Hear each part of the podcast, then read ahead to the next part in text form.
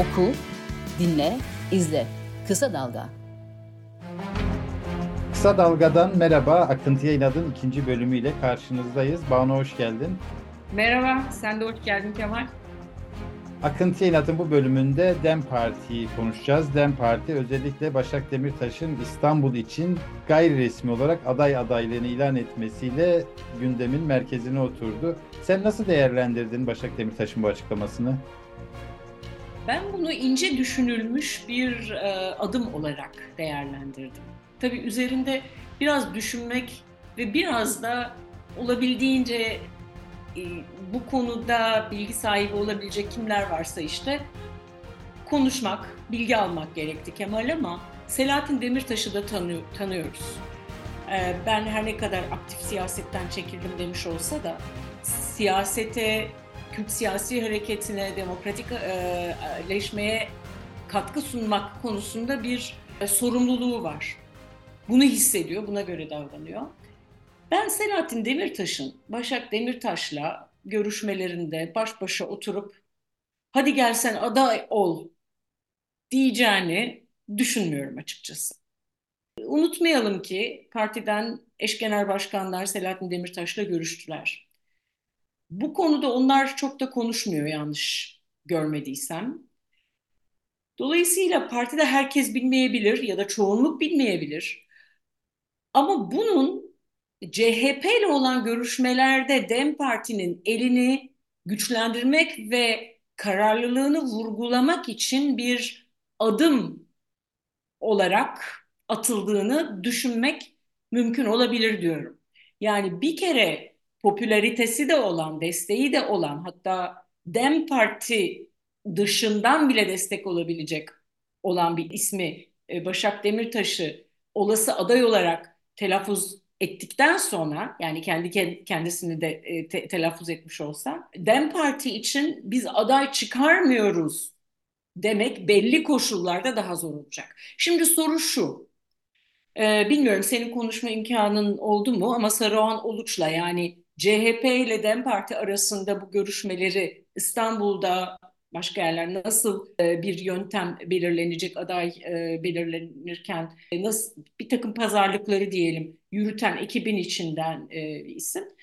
Saruhan Uluç'la ben bugün konuşamadım ama benim edindiğim izlenim ve aldığım bilgiler bu işleri takip eden arkadaşlarımla da yani meslektaşlarla da konuştuğumda CHP'nin mesela İstanbul'da öyle çok fazla bir şey vermek istemiyor olmaz, olduğu e, e, DEM Parti'ye. E, bu da hiç hakça bir şey değil tabii. Nesnel olarak bakıldığında. Dolayısıyla işte belli yerler var işte Esenyurt, Adalar. Buralarda en azından DEM Parti'nin il genel meclisinde belli bir grup kurma imkanı olacak kadar üye çıkarmasını sağlayacak bir uzlaşmaya varmak gerekiyor. Ama CHP ben hiçbir şey vermem siz bize destek verin diye aynı yerde durursa bu sefer işlerin böyle gitmeyeceğine geçen seçimdeki gibi neredeyse koşulsuz bir destek olmayacağına dair çok kuvvetli bir işaret oldu. Şimdi ben tabii, öyle düşünüyorum. Asıl mesele burada bence e, DEM Parti'nin Aralık ayında parti meclisince açıkladığı ilkeleri diğer partilerin ya da genel kamuoyunun görmezden gelerek değerlendirme yapması.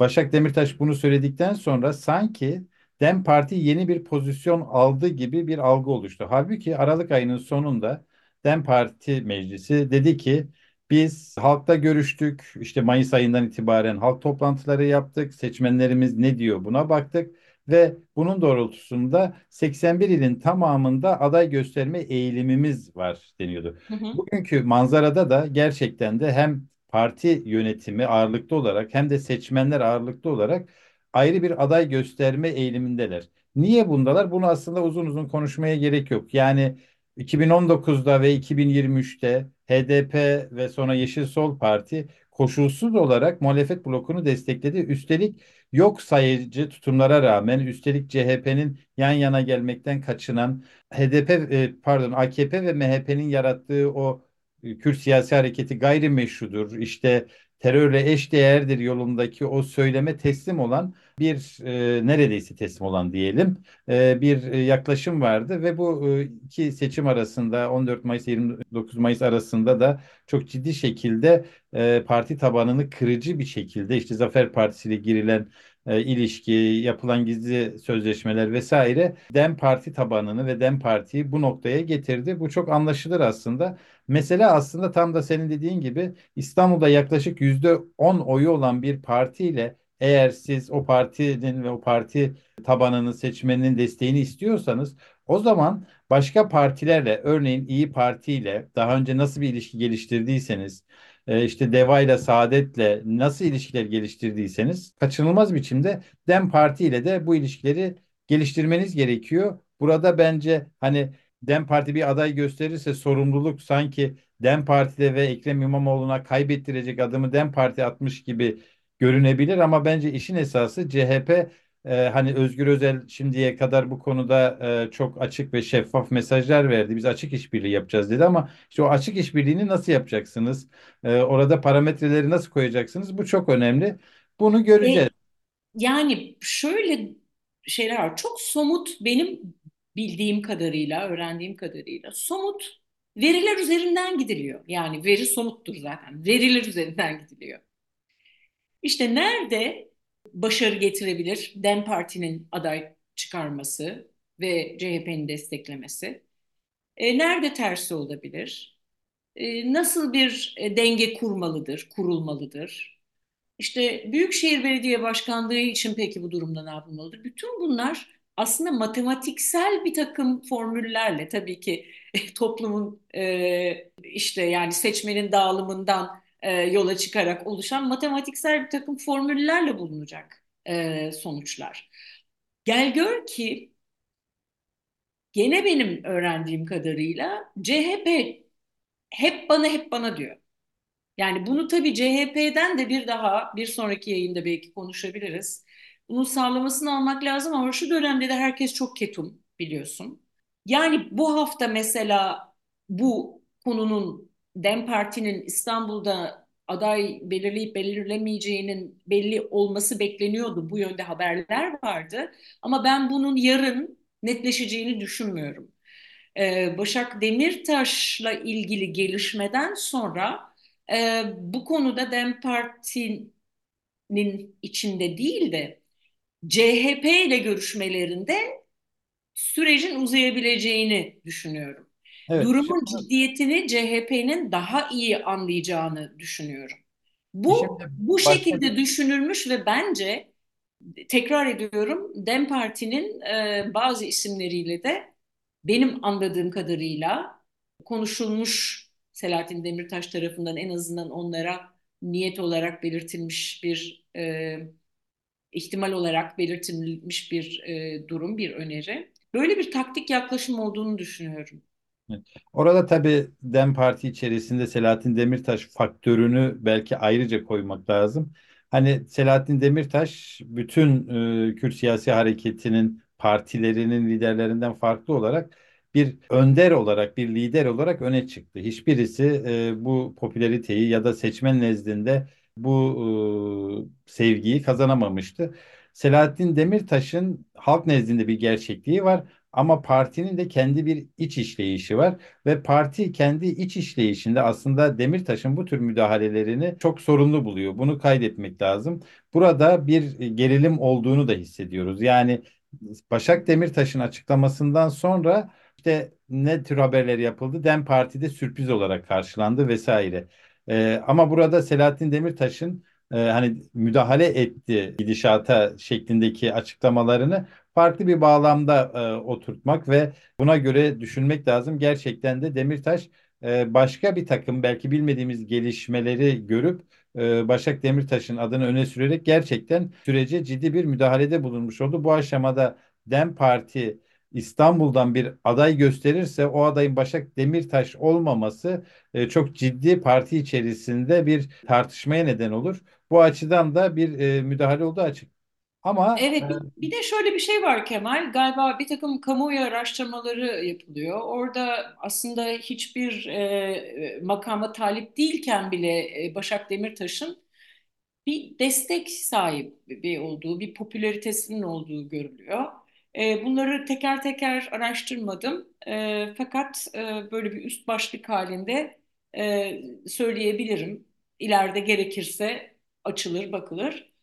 E, dolayısıyla şimdi bu aşamada böyle bir adım atmak, tam da söylediğin e, nokta önemli, dikkat çektiğin nokta önemli. Yani Başak Demirtaş'ın adı zikredildikten sonra bırak Dem Parti'nin onu aday göstermemesi, Dem Parti seçmenin de Başak Demirtaş'ın aday gösterilmesi yönünde bir beklenti oluşması söz konusu ve ben gene konunun CHP'ye baskıya dayandığını düşünüyorum. Peki burada bir e, CHP'ye Anlatabiliyor baskı muyum ne dediğimi? Biraz karışık bir şey belki izleyenler için ama yeterince net anlatabiliyor muyum Evet bilmiyorum. evet. Çünkü E, gayet CHP'ye şu denmiş oluyor. Bakın biz biz parti olarak da hani bu konuda mecbur kalıyoruz. Yani kendi kurullarımızda daha biz bunu tartışmadan bu noktaya gelindi. Şimdi bunu tartışacağız ama bizim seçmenimizin de bir beklentisi var. Sizin bizim bu seçmenimizin beklentisini bir kenara koymamız gerektiği konusunda çok ikna edici bir şeyler vermeniz lazım. Deme imkanı var Dem Parti'nin. Evet. Ee, ama tabii beri yandan bir başka şey daha var. Yani sadece Dem Parti, sadece CHP ile bir süreç yürütmüyor. Aynı zamanda işte diğer sosyalist partilerle de e, yerelde bazı süreçleri yürütüyor. Evet. Ama e, şunu da biliyoruz ki e, aslında bir uzun süredir söylene gelen e, bir gayri resmi görüşme de parti yetkilileri tarafından olmasa bile AKP ile Dem Parti arasında da bir görüşme olduğu anlaşılıyor. Nereden anlaşılıyor? Mesela Leyla Zana açık bir açıklama yaptı, bir uyarıda bulundu aslında. Ee, Erdoğan'a dedi ki süreci buzdolabına kaldırmıştın ama buzdolabında olması yetmez. Buzdolabındaki ürünlerin de miadı dolabilir. Miadı dolmak üzere e, diye bir uyarıda bulundu. Bu çok önemli ve Leyla Zana'nın bu teması sürdürdüğünü anlıyoruz. Niye? Diyor ki 2023 yılında ben bir devlet yetkilisine şunu söyledim diye bir şey anlatıyor. 2023 daha yeni bir tarih. Demek Ah, o devlet yetkilisinin kim olduğu, nasıl bir yetkili olduğu, Nasıl sorulmaz? Sorulduysa da cevap verilmediyse eğer, soruldu ve cevap verilmediyse de eğer, bunun da o söyleşi içinde olması gerekiyordu. Yani Leyla Zana'nın konuşmuş olması çok önemli ve bunu kendisinin istediğini anlıyoruz. Bu yerel seçimler öncesinde en azından bir ihtimal, bir e, şey, e, işbirliği, tekrar bir e, süreç canlandırma zemini oluşabilir diye düşünmüş hala onunla konuşuluyor olması da ilginç. Demek ki bu senin dediğin gibi yoklanıyor Kemal.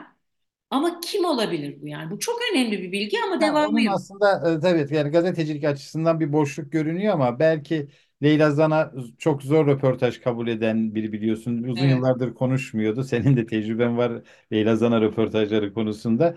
E, Ah ve de e, Leyla Zana konuştuğunda gazeteciye bazı sınırlılıklar getirmiş olabilir. E, bunu biraz belki anlayışla ama karşılamamız. şu olabilirdi. Tabii olabilir. Vecdi arkadaşımız Hı. gitmiş yani görüşmüş. Çok da iyi yapmış. Ee, bence durumun çok içinde olan ve bölgede gazetecilik yapan bir arkadaşımızın da bu söyleşiyi yapması önemliydi.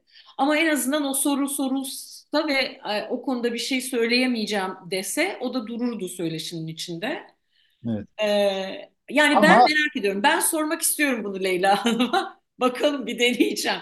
Ama Ama uzun yıllardır köyde yaşayan biri biliyorsun. Ee, söyleşte de var. Dolayısıyla köyde yaşayan e, bir siyasetçi e, 2023 yılında bir devlet yetkilisiyle görüşmüş de anlıyoruz ki en azından bir kere e, 2023'te Leyla Zana ile devlet görüşmüş. Bu çok önemli bir veri. Tabii bunu güncel bilgiyle bağladığımızda şu çok açık. E, yani ben de bunu teyit etmeye çalıştım. Yani kimse tabii e, doğrudan %100 teyit etmiyor ama bu böyle bir görüşmenin olduğunu da herkes bir şekilde kabul ediyor. Dolayısıyla burada e, şöyle bir e, şey de var, bir hat da var e, Dem Parti için. Bu söylene geliyor. Kayyımlara son kayyım politikasına son verecek. E, işte Abdullah Öcalan üzerindeki tecriti kaldıracak. E, AKP ve böyle olursa Dem Parti'de büyük şehirlerde muhalefete destek vermeyecek, kendi adaylarını çıkaracak. Şimdi böyle bir senaryo var ve bu senaryo için görüşmeler yapıldığı da anlaşılıyor.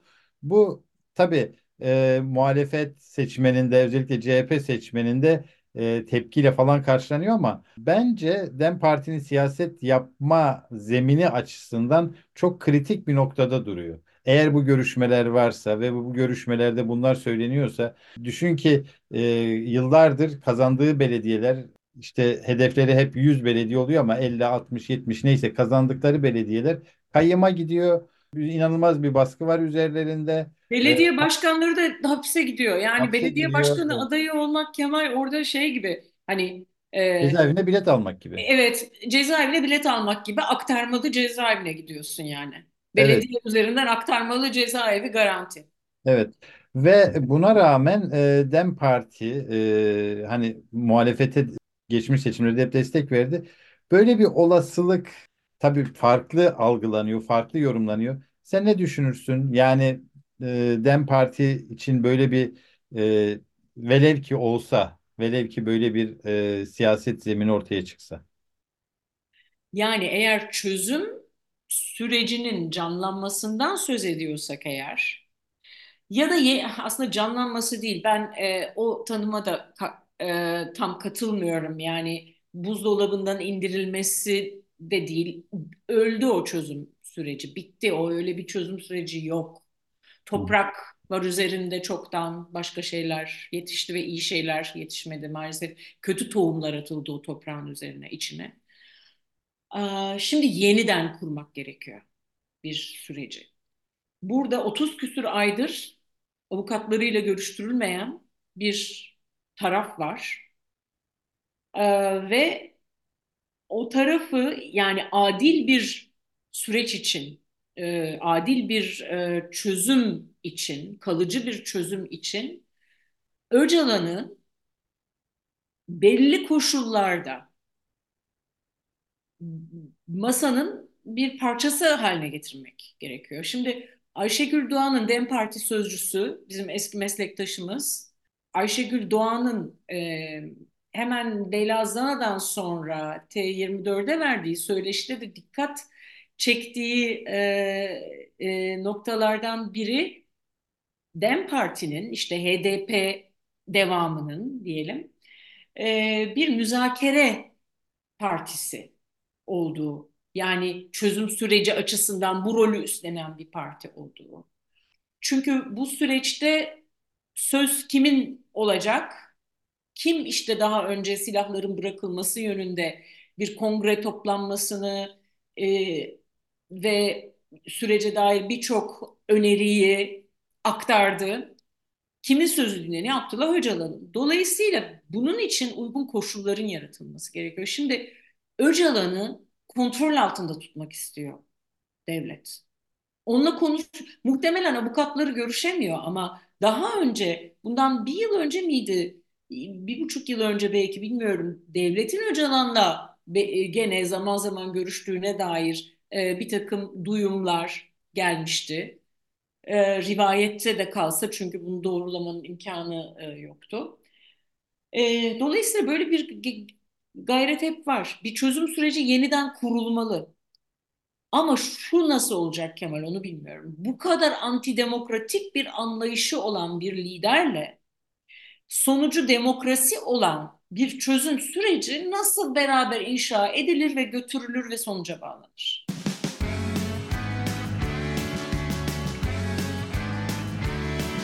Kulağınız bizde olsun. Kısa Dalga Podcast. Bir çözüm süreci değilse de bu e, böyle bir e, nasıl diyelim DEM Parti için ve Kürt siyasi hareketi için bazı e, politika yapma engellerinin kaldırılmasıyla sınırlı bir anlaşma vesaire de olabilir. Yani illa bu Neyin karşılığında? e, işte muhalefete destek vermeme karşılığında kendi adaylarını çıkarma karşılığında. Tamam ben soruyu bambaşka anladım. Ee, yani kendi adaylarını çıkarmalı.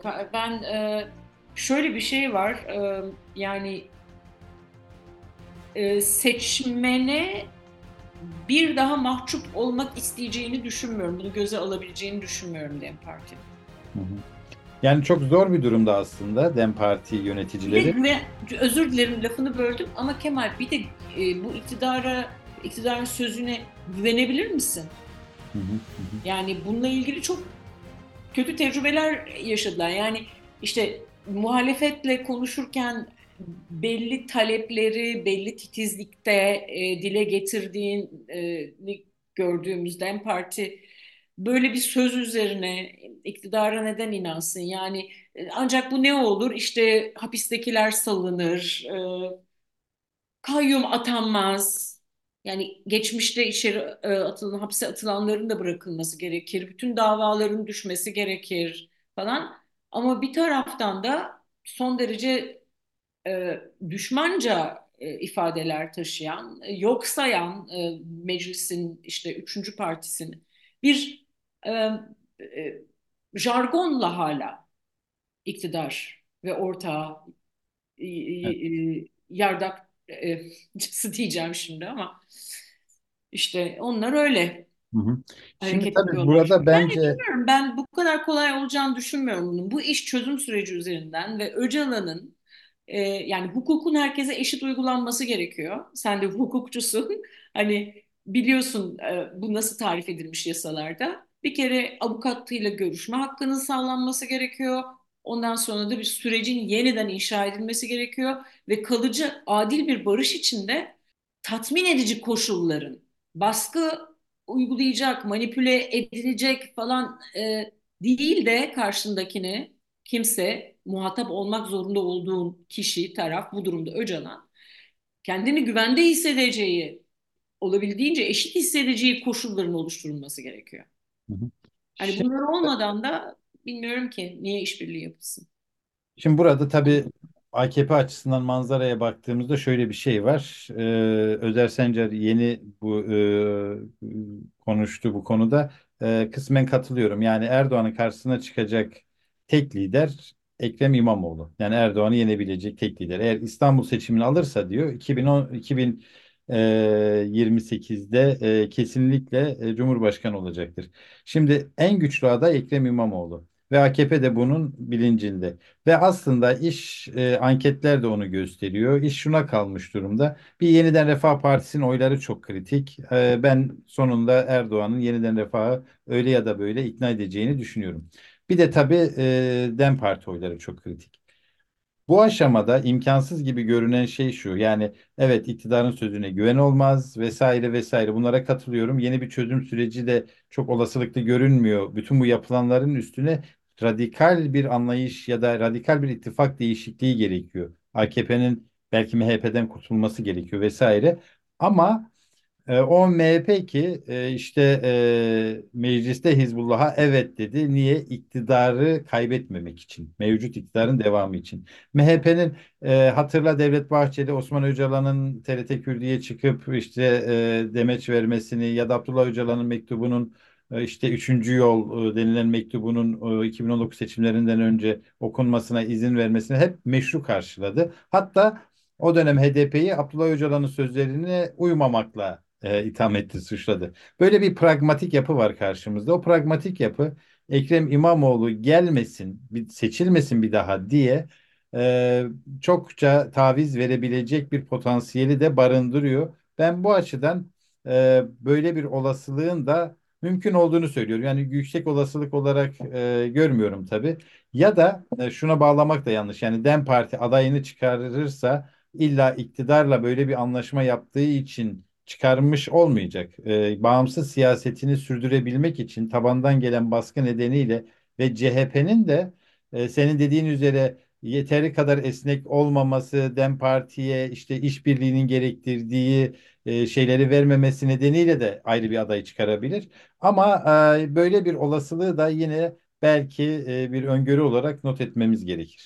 Evet ama biliyor musun bir de birkaç şey konuşmak istiyorum ben. Bilmiyorum süremiz nasıl ama galiba yavaş yavaş toplamamız gerekiyor. Birkaç şey var beni rahatsız eden. Bir gazeteci olarak tamamen nesnel söylüyorum. Nedir? Bir, bütün seçimlerden önce başka hiçbir parti konuşulmuyor. Fakat aslına bakarsan bugüne kadar ilkelerinde en tutarlı olmuş olan seçim öncesinde diyorum böyle pragmatik durumlarda tutarlı davranmış olan bir işte parti var. O parti iktidarla işbirliği yapacak mı, yapmayacak mı? Aslında iktidarla işbirliği yapacak. O yüzden de am aman dikkat etmek lazım. Şimdi her seferinde böyle bir şüphe gölgesi düşürülüyor. Bugün DEM Parti söz konusu olan DEM Parti'nin üzerine. İki, ha iki şunu söyleyeyim. Başak Demirtaş'ın aday adaylığıyla başladık ya da bir niyet beyanıyla başladık e, konuşmamıza seninle. Bazı programlarda, yazılarda görüyorum. Tamam, yani burada ben nasıl derim bunu? Ee, bir bir hani İngilizcesi e, ile input bir katkı da diyebilirim sürece. Evet sürecin gidişatını değiştirebilecek bir adım, bir önerme. Nasıl düşünüldüğüne dair konuştuk. Ama Selahattin Demirtaş, Demirtaş içeriden de müdahale ediyor, siyaseti şekillendiriyor. Özellikle HDP'ye müdahale ediliyor, ed, ediyor gibi görünüyor. Hep öyle yorumlanıyor. Burada da Başak Demirtaş'ın varlığı tamamen yok yani önemli değilmiş gibi. Hani o yokmuş gibi. Bu işin tamamen Selahattin Demirtaş e, nasıl söyleyeyim aday olmuş gibi değerlendirildiğini görüyoruz. Anlatabiliyor muyum ne demek istediğimi? Yani orada belli bir siyasi bilince sahip ama işte kaç yıl oldu Kemal? Onca yıldır Diyarbakır'dan kalkıp her hafta Edirne'ye taşınan ve başka bir sürü kadın gibi o hareketten çıkan mesela Leyla Zana da eşinin hapiste olduğu dönemde hapsin önünde e, cezaevinin önünde başka kadınlarla bir araya gelerek de daha gittikçe siyasete angaje olmuştu, girmişti daha doğrusu. E, Başak Demirtaş için de böyle bir şey durum söz konusu olabilir. Unutmayalım genel seçimler öncesinde e, partiye destek verdi. Yani Selahattin Demirtaş aday olmak istemesine ama olmamasına bu kez rağmen ayrı aday çıkarmak gerektiği düşüncesini kabul ettirememesine rağmen eşi Başak Demirtaş mitinglerde konuşuyordu hatırlayacak olursan. Evet, evet. Yani tabii Başak Demirtaş ayrı bir siyasi figür. Buna katılıyorum. Ee, her yani ne kadar kadınların da böyle böyle böyle yani kadın olduklarından değil işte kimse eşinin durumundan etkilenenlerin de siyasetin içinde ister istemez kendilerini bulduklarını daha önce de gördük biz. Bir de yani he, herhangi yani işte dediğim gibi kadının varlığının orada görünmemesi e, beni rahatsız ediyor. Son cümle olarak da şunu söyleyeyim sonra sen e, devam et ne olur unutma. Bir de birçok televizyon kanalında özellikle de tabii ki hükümet kontrolünde hükümete yakın olmayan kanalları kastediyorum. Bu meselelerin genelde işte DEM Parti'nin falan bu partiden bir temsilci olmadan konuşulması, konukların partiden kopmuş, eleştiren, ters düşen insanlardan oluşması zaten. Ee, yani bir çok garip bir durum. Çünkü gazeteciysen eğer bu soruları doğrudan partiden birilerine sorursun. Saruhan Uluç çıkmış, Uluç çıkmış geçen TV'ye çok güzel. Ama genelde DEM Parti konuşuluyor, senaryolar konuşuluyor. O partiden kimse yok mesela. Başka partilerden falan var. Böyle durumlar var. Garip. Evet. Bu kadar. Yani bu şeyi söylemek istiyorum ben de hep işte e, HDP deniyordu iktidarla işbirliği yapacak. Yani bunu milyon kez tekrarladılar olmadı. E, ama en çok bunu söyleyenler de temel politikalarda yani Kürt sorunu, demokratikleşme, dış politika, vesaire konularda da iktidara yetmez ama evet diyen kesim daha çok ulusalcılar onlar destek veriyor. Ee, ve sonunda e, dönüp de HDP'yi bununla suçluyorlar. HDP'nin Dem Parti'nin siyaset yapma hakkı var. Siyaset zemininde istediği biçimde işbirlikleri yapma hakkı var. Bunu kabul etmek ve meseleye böyle bakmak gerekirken muhalif medyada da geçmişte olduğu gibi e, muhalefete, CHP'ye tabi olması, e, bunun dışında herhangi bir siyasi manevra yapmaması gibi bir talep ve anlayış var. O, o anlayış tabii e, DEM Parti seçmeni de DEM Parti yönetimini de artık üzerlerinden bu taziki, bu baskıyı atmak istiyorlar.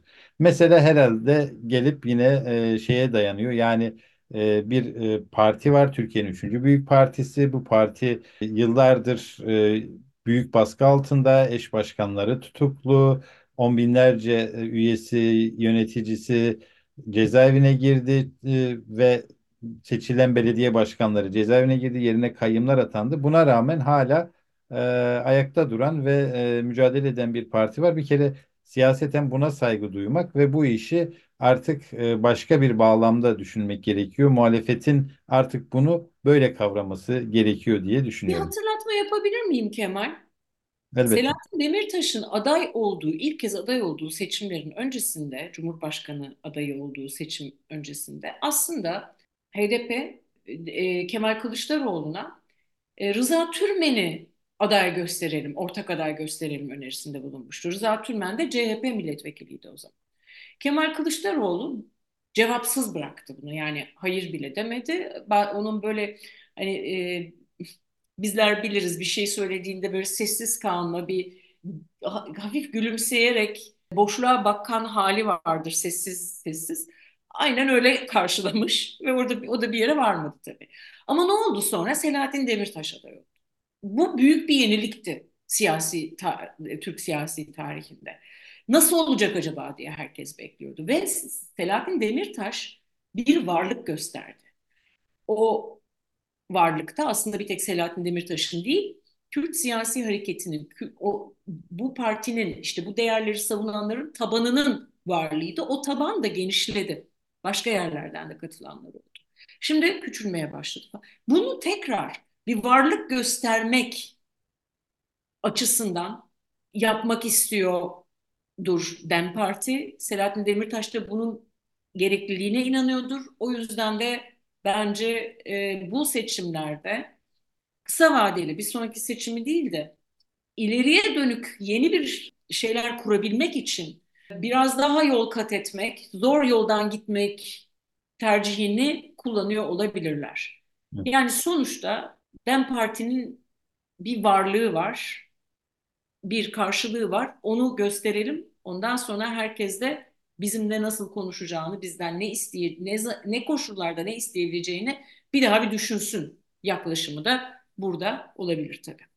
Evet aslında sürenin sonuna geldik ama ben burada yine bir tespitle bağlayayım. Ee, Gel bağla. bu süreçte aslında HDP projesinin ne yazık ki çöktüğünü görüyoruz. Yani HDP Kürt siyasi hareketiyle Türkiye'deki sosyalist partileri bir araya Türkiye'deki sosyalist partileri bir araya getiren ve de büyük bir sinerji yaratan e, bir tür işte demokrasi cephesi olarak çıkmıştı. Son e, seçimlerden sonra e, giderek DEM Parti'nin diğer sosyalist partiler olan ilişkilerini de gördüğümüzde giderek daha yine Kürt siyasi hareketinin partisi kimliğinin öne çıktığını görüyoruz. Sosyalist partilerin de mesafelendiğini görüyoruz. Tipin e, tavrı burada kayda değer. E, zaten ÖDP'yi ya da TKP'yi hiç saymıyorum. E, bu açıdan e, böyle bir e, geriye gidiş ve iktidarın da en çok korktuğu HDP realitesinin ben bittiğini düşünüyorum. Hadi daha iyimser bir şekilde epey aşındığını da e, görmemiz gerekiyor. Bu süre içinde öyle olmuş olabilir de bakınız Leyla Zana söyleşisi ve onun değer aileleri işte aday belirlenirken yapılan hatalara dair öz eleştirisi. Eğer okumayanlar varsa bakabilir. Bunlar dediğine yol açtı aslında. Bir taraftan Türkiye Partisi olma iddiasında hedefinde bir parti önümüzde. Ee, diğer taraftan da işte hatalar yapıldı. Herkes e, bu konuda da işte kısmen eleştiri getiriyor. Ama ben şu anda DEM Parti'nin tekrar Türkiye Partisi olma gayretinde olduğunu düşünüyorum. Bu konuda da e, Ayşegül Doğan'ın söyleşi, verdiği söyleşi okunabilir tekrar. O da çok net anlatmış pozisyonlarını. Bakalım ya önümüzdeki seçimlerde biz anlayacağız gerçekten olacağını. Ama şu da var. Yani Kürt meselesini özünde e, ele alan, barındıran ve e, birincil mesele olarak koyan bir parti olmazsa da DEM Parti olmaz yani. E, dolayısıyla ben senin dediğine tam yüzde yüz katılmıyorum. Evet. Şu an DEM Parti için. İddialı bir tespit. Onun farkındayım ama evet. devletin e, bunu başardığını ya da başarmak üzere olduğunu söylüyorum. Akıntıya inadın bu bölümünün sonuna geldik. Yeniden görüşmek üzere.